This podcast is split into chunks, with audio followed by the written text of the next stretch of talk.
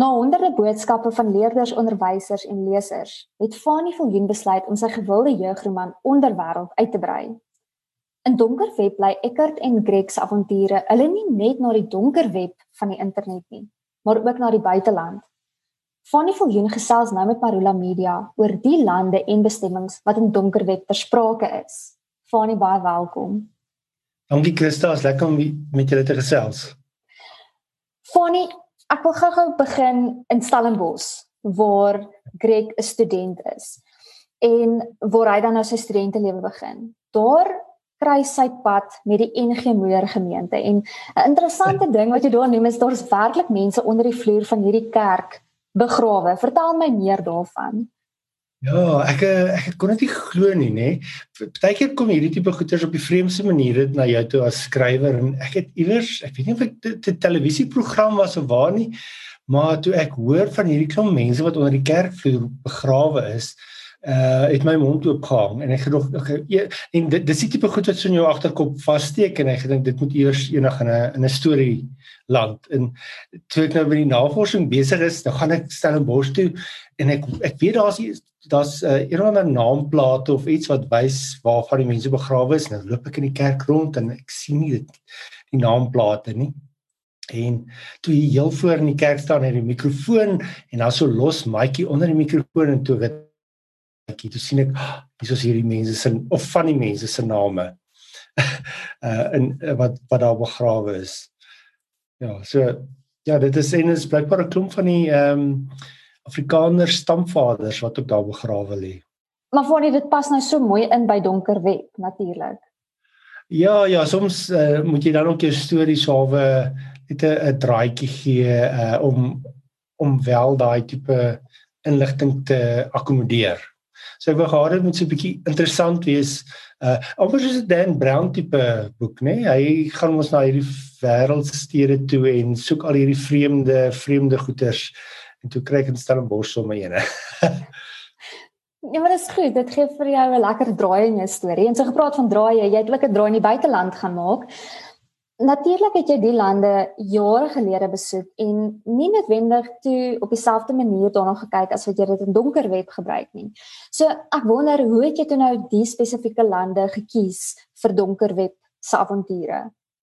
Ek was nie nog net twee keer oor see gewees. Uh, ek was so in 2011 was ek uh, Italië toe saam met 'n klomp kunstenaars vriende hier van Bloemfontein en in 2014 Dubai en Griekeland toe. Dit was eintlik meer soos net 'n blote oorsese vakansie. Ek het nie gedink ek gaan 'n boek uiteindelik daaroor skryf nie, maar ehm um, omdat ek nou 'n uh, bietjie ervaring het en dit is lekker om in daai omgewings rond te loop as jy daaroor wil gaan skryf het ek besluit okay, kom ek gebruik hierdie omgewings wat ek dan al wel by was en bring dit op 'n manier in in donker web in. So ja, dan ons uh, uh soos soos die karakters aan oorsee gaan begin ons in Istanbul en eindig uiteindelik in Italië. Turkye speel nogal 'n groot rol in die boek. Hoekom het jy spesifiek op Turkye besluit vir daai deel en daai fase van die avontuur? omdat ek in Turkye was vir 'n vir 'n kort rukkie, ek wens ek kon langer daar wees. Ehm um, ek dink okay, ek gaan dit dit daarso laat afskop. Maar daar was natuurlik ehm uh, ek was nie baie lank daar nie. Ek, so ek sou ek moes nog steeds baie navorsing ook gaan doen het oor die land en oor hulle leefwyse en so aan. Ehm um, so van die goeters, ek het verskriklik baie foto's geneem. As ek as ek sê gaan lewe ek verskriklik baie foto's af. Ek dink ek het ek het 'n foto seker van elke deur in Pisa. so ehm um, so ek kon baie steen op al hierdie foto's om om net weer my geheue bietjie te verfris. Maar ek het ook gegaan na uh byvoorbeeld Google Maps toe, nê. Ehm want jy uh, Google Maps is fantasties om uh, amper die drade vir jou weer bietjie saam te flans nê om te kyk waar kan jou karakters gaan loop. So ek kan as skrywer hier in my kantoortjie hierso kan ek sit en Google Maps Street View gaan oproep en ek kan in die strate rondloop waar ek reken my karakters gaan rondloop. Uh of as ek iets nie lekker kon onthou nie, byvoorbeeld van die Basilica Sistine, waar dit is, hoe lyk dit in die omgewing, kan ek na Street View toe gaan het en op my rekenaar gaan loop in die strate in die omgewing van daardie uh toeriste attraksie. En die Hagia Sophia Museum is ook 'n prominente besienswaardigheid in die boek. Wat was jou eerste ervaring toe jy dit besoek het? Wow, dit was ongelooflik geweest. Ehm um, hulle was besig nog met ehm um, met renovasies daarso. So daar's baie installasies en goed opgesit, maar steeds nie is dit dit slaan jou asem weg om daar in te stap, om deur daai bo te stap en hierdie fantastiese plek te sien. Hierdie ou ou kerk wat deur beide die Christene en deur die moslems gebruik is oor die jare en nou sit 'n nou sit 'n museum ek verstaan ek het iewers 'n berig gelees dat hulle dat dalk weer die Hagia Sophia se status gaan verander dat dit dalk weer 'n 'n 'n moskee dalk gaan word. Ek ek is nou nie 100% seker nie maar ek het so iets so vinnig gelees. Ehm uh, dis ook natuurlik iets wat tog al vreemd is in die skryfproses. Partykeer dan verander goeters rondom 'n besienswaardigheid. Soos met uh, die eerste skryf van Donkerweb het my karakters op die by die lughawe geland en uh ek sou ver besig gewees in die in die manuskrip en hier lees ek toevallig raak op die internet hulle verander hulle internasionale. Hulle skuif die, die hele lughawe na 'n heel ander plek toe. Toe moet ek dele van groot dele van die boek gaan oorskryf net om dit dan te akkommodeer. So, mens moet tog op byhou met die veranderinge van hierdie tipe goed. Ja, maar so die Hagia Sophia is is fantasties. Ek kan enigiemand aanbeveel om so toe te gaan.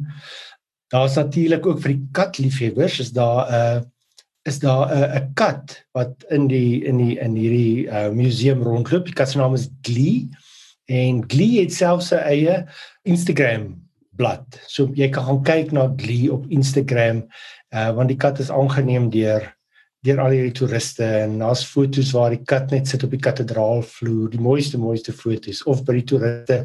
Ek het self 'n foto van toeriste wat hierdie kat 'n uh, bietjie vertroetel daarso. En Glee het self 'n plek in jou boek. Jy het Glee ingeskryf in Donker Web. Ja nee, ja ja, so Glee moes inkom in die storie. En, en dis natuurlik ook goeders wat mens as jy nie daar was nie, dan sou jy daai klein besonderhede gemis het en dit dit dit sit 'n bietjie vleis aan die bene van die boek.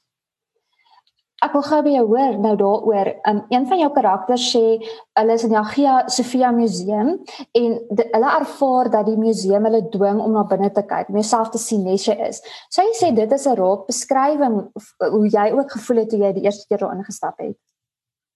Ja, ek dink dit is omdat die omdat dit so groot is, nê. Nee? Ehm um, jy jy word amper verdwerg deur hierdie arg, uh, argitektuur hier om jou. Hierdie groot kathedraalvloer en selfs wanneer jy met die trappe opgaan na die volgende verdieping toe, voel jy nog steeds klein in hierdie in hierdie kathedraal. En jy wonder ook hoeveel mense het al daardeur gestap, nê, nee, oor die oor die eeue. Maar wat ook interessant is, ek kry dit reg om in daai toneel ook 'n donker kant van die museum te skets waar um, twee karakters mekaar ontmoet. Ek wil nou nie te veel weggee van die van die storie nie, maar jy kry dit ook reg om om 'n donkerder kant van die museum te skets ja die die karakters ontmoet so uh amper 'n rukkie vroeër meer in die in die ehm uh, in die Basilica Sistine uh waar dit is hierdie donker plek onder die onder die grond nê. Nee? Uh ek het eers gewonder my my sis ons my ek en my suster het saam gegaan na Turkye en Griekeland toe. Toe sê sy maar sy wil na Basilica Sistine toe gaan toe wat wil sy daar maak? Dit klink na 'n vreemde plek en toe ek eers daar instap daar het my asem ook omtrent weggeslaan want dit is dit is hierdie pikdonker plek met hierdie pilare waar en dan skyn ligte teen hierdie pilare op en die ligte weerkaats in die water. So mens kan nie glo wat jy sien daarso en dit is dan ook die plek waar waar die die twee hoofkarakters mekaar herontmoet na 'n donker web en dit is waar hierdie donkerte ook dan inkom um, en so uh, ek het nog al 'n ding vir uh, of in in in donker web speel refleksies en soos met onderwêreld waar hierdie egos gehad het speel die refleksies ook 'n groot rol. Ek het gesien jy het ook jy weet later praat praat jy van die palindroom wat hulle waar die woorde ook of 'n woord ook die refleksie aantoon. So dis interessant dat jy dit noem. Ja die palindroom het my bietjie moeilikheid gegee was. dit is uh die palindroom uh, verskyn blykbaar by baie doopfonte uh reg oor Europa en ek het 'n bron gekry wat sê maar daai palindroom is in die Hagia Sophia kathedraal of museum. En ek kan nie onthou dat ek dit daar gesien het nie en ek het vir 'n paar mense gevra wat onlangs daar was en onder andere uh professor Louise Stein uh, sy's nou afgetree uh maar sy het uh Vryheid Universiteit sy het sy het 'n verskriklike kennis van argitektuur en die geskiedenis van daai tye. En selfs sy kon nie my sê dat dit of dit daar was nie. Sy het dit nie gesien nie dis nie op haar fotos nie. En ek het eintlik die die uh museum self gekontak en gevra maar luister hier het ek 'n boek wat sê die die palindroom is daar maar is hy daar? Ek het hom nie gesien nie. En hulle het laat weet maar hy is nie daar nie maar dit so dit lyk my hy was by 'n vorige weergawe van die Hagia Sophia die hy sal hy sal 'n paar keer herbou so lyk my dit is waar die bron wat ek gekry het dan nou op die inligting afgekom het. So met die navorsing beland jy baie keer op hierdie vreemde paaie, jy moet die vreemdste goed van mense gaan vra om jou storie te gaan sit. Maar Fanny, dink jy dan in so 'n geval dat daar 'n bietjie outeursvryheid of skrywersvryheid kom? As jy nou sê dit is ingeskryf in die Hagia Sophia Museum, sal mense jou daarom so 'n bietjie daarvoor kan vergewe dat dit dan nie heeltemal korrek is nie. Ehm um, as ek reg kon onthou het ek sê die boek dat dit in 'n vorige weergawe van die kathedraal sê net maar so uh wel verskyn het want da, die die bron wat ek gekry het is is nogal betroubaar en dit maar dit is 'n ouerige bron so da, dit moes op 'n stadium daar gestaan het en seker maar afgebreek soos die kathedraal herbou is. Fanie ek wil ook vinnig met jou gesels oor die kos wat jy bespreek ook in Turkye. Ja, jy maak mens so jaloers op daai unieke ja. ervaring. Dis dis nogal die ding as jy oor see reis is die kos amper 'n ervaring op sy eie om om die land se se se om die kulture te te te ehm um, te beleef en om hulle kos te beleef. Uh wat eet die mense, wat se straatkos eet die mense want gewoonlik as jy oor see is, daar's soveel om te sien nê en jy wil eintlik van die een wonderlike plek na die volgende toe gaan en dan straatkos is dan iets wat jy wat lekker vinnig en gerieflik is wat jy kan eet en en aangaan. Ja. Ehm uh, soos ek sê ek wens ek was langer in in Turkye. Dan kan mens meer daarvan beleef het. Daar's ja. byvoorbeeld 'n toneel in uh waar hulle uit die Hagia Sophia kom en dan uh kry hulle die granaatsap. Nou daai granaatsap lyk verskriklik lekker, nê? Nee? Dit is hierdie diep diep rooi sap wat hulle daarso vir jou vars uitdruk, nê? Uh, en om te sien hoe maak hoe, hoe druk hulle dit uit hulle soos hulle die granate sny en daar uitpers hier voor jou en maar as jy dit drink, is dit ook maar 'n vreemde smaak, is so 'n vreemde frank smaak in jou mond. So dit lyk eintlik lekkerder as wat dit as wat dit proe. Maar ja, maar dis dis die mooiste mooiste kleur.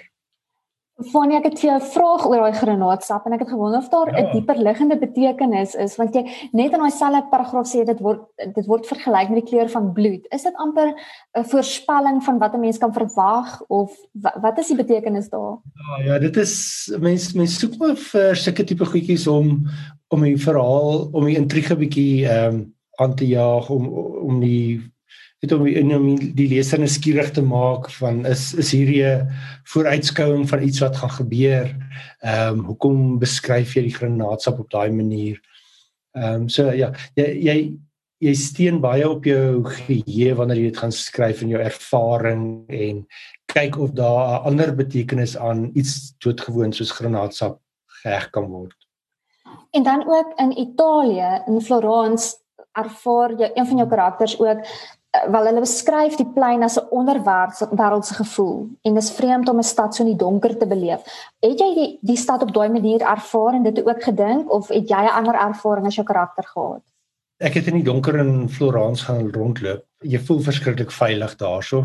Ek weet nie of dit 'n valse sin van veiligheid was nie, maar ek het heerlik daar rondgeloop en ehm um, en 'n sprokiesagtig mooi in die aand ook. Daar's minder toeriste ook natuurlik. So dis dis lekker om 'n stad natuurlik te voet te verken. Ehm um, ek kan vir alle uh, luisteraars byvoorbeeld aanbeveel as jy na oor as jy oor see gaan, bly ten minste 3 dae by 'n stad en verken soveel as moontlik van die stad te voet. Want jy sien soveel verskillende goeters, jy daai klein afdraai paadjies en so aan. En dan om in die aand ook in die stad te gaan loop en te gaan kyk hoe lyk dit dan. Byvoorbeeld daar soos 'n 'n kort beskrywing waar uh Greg verby die kathedraal daarso loop en dan sien hy hierdie kruisfiguur deur die venster. Ek het dit werklik gesien daarso en dit was nogal jy jy steek in jou spore vas as jy dit as jy dit sien in hierdie pikdonker in hierdie magnifieke stad en jy sien suits deur 'n venster skyn. En dit is nie iets wat jy op 'n foto regtig kan regtig kan vas lê nie. So mens moet ook nie als eintlik fotografeer nie. Jy moet ervaar ook as jy na so 'n stad toe gaan, as jy oor see gaan. Ja, dit is mens raak lus vir reis wanneer mense die boek lees, maar dan val ook die ander kant en dit is die donker web wat ontdek word. Vertel my kortliks van daai navorsing wat jy gedoen het. Donker web ehm um, ek het 'n paar boeke bestel van oorsee af oor die donker web en baie gaan kyk na video's en die tipe goeders uh om te sien wat gaan daaraan. Die donker web is is basies ons of die internet internet wat ons ken, ehm um, noem hulle die die oppervlakweb, net die surface web. Onder dit is daar iets wat hulle noem die deep web. Dit is waar byvoorbeeld ons bankbesonderhede lê, jou mediese rekords en so aan en onder dit deur onder is daar hierdie geheime donker web mense hoef daarmee bekommerd te wees dat jy per ongeluk op hierdie vreeslike plek gaan beland nie. Jy moet 'n spesiale webleser hê. Ehm um, hulle noem dit Tor, waar jy moet aflaai. Dis 'n weergawe van Firefox wat bietjie verander is. En deur hierdie Tor webleser kan jy dan nou op die donker web kom. En die donker web daar's verskriklike goed wat daar aan die gang is. Ehm um, jy kan enige dwelm onder die son byvoorbeeld kry. Jy kan vuurwapens kry sonder nommers. Ehm um, jy kan vir jou paspoorte bestel, uh bestuurslisensies, identiteitsdokumente. Uh jy kan blykbaar vir jou 'n sluipmoordenaar hier, uh maar sommige mense sê dat dit dit is bietjie oordrewe, jy kan dit nie doen nie. Een van die vreemdste goed wat ek gesien het, uh, jy kan die siele van afgestorwe kinders daar koop. So dit is regtig vreemde vreemde goed wat jy wat daarso gebeur. Ehm um, Ja, en is uh die donker web is iets wat begin is deur die Amerikaanse uh Navy, die vloot. Uh, want uh hulle het 'n manier van kommunikasie gesoek vir die regering en uiteindelik het die publiek ook kans gekry om dit te gebruik. En baie onwettige goeders gebeur dan nou daarso. Maar soos wat jy ook in jou boek reg sê, in Suid-Afrika is dit 'n bietjie veiliger om op hierdie donker web rond te soek, maar dan in 'n land soos Turkye word jy baie makliker vervolg daarvoor. Ek sal sê dis veiliger in Suid-Afrika nie. Mense moet maar versigtig wees. Jy moet deur ehm um, op daar sekere maniere waardeur jy daarop gaan kom of, of dit moet gebruik want mense kan inkom. Daar's baie hackers wat daar rondhang, kuberkrakers en as jy verkeerde ding doen dan kan dit wees dat hulle jou identiteit steel of hulle neem jou rekenaar oor, steel jou data, steel inligting op jou rekenaar en so aan. Uh in Turkye, die wat jy nou van praat, die, uh, Turkye het nogal 'n probleem met hulle vryheid wat jy op die internet het. En ek het eintlik al begin skryf van die storie en toe ek ek moet dalk net gaan kyk, sal mense wel op die donker web kan kom hierso en toe kom agter maar, so hulle het eintlik nogal probleme met ehm um, internet toegang en so aan. So hulle moet baie baie versigtig wees vir wat die wat jy daarso sou doen op op die internet. So die karakters gaan uh soos wat jy in Suid-Afrika eintlik ook mag moet doen, moenie te gerus wees in Suid-Afrika nie. Ehm um, ek wil amper nie sê moenie eens toe gaan nie. Ehm um, hulle gaan deur VPNs gaan hulle op die donker web want dit help ook om jou identiteit te verbloem. Nou die die in die donker web werk ook op 'n spesifieke manier, nê. Uh as ek byvoorbeeld hierso sou sit en ek wil na 'n sekere webblad toe gaan, dan word my versoek van een node na 'n volgende amper van een rekenaar node na 'n volgende rondgebons reg oor die wêreld sodat niemand uiteindelik aan die ander kant sou weet van wie het daai oorspronklike webblad aangevra nie. So op die donker web is anonimiteit verskriklik belangrik vir die mense en dit is hoekom dit dan ook gebruik word vir vir hierdie onwettige bedrywighede.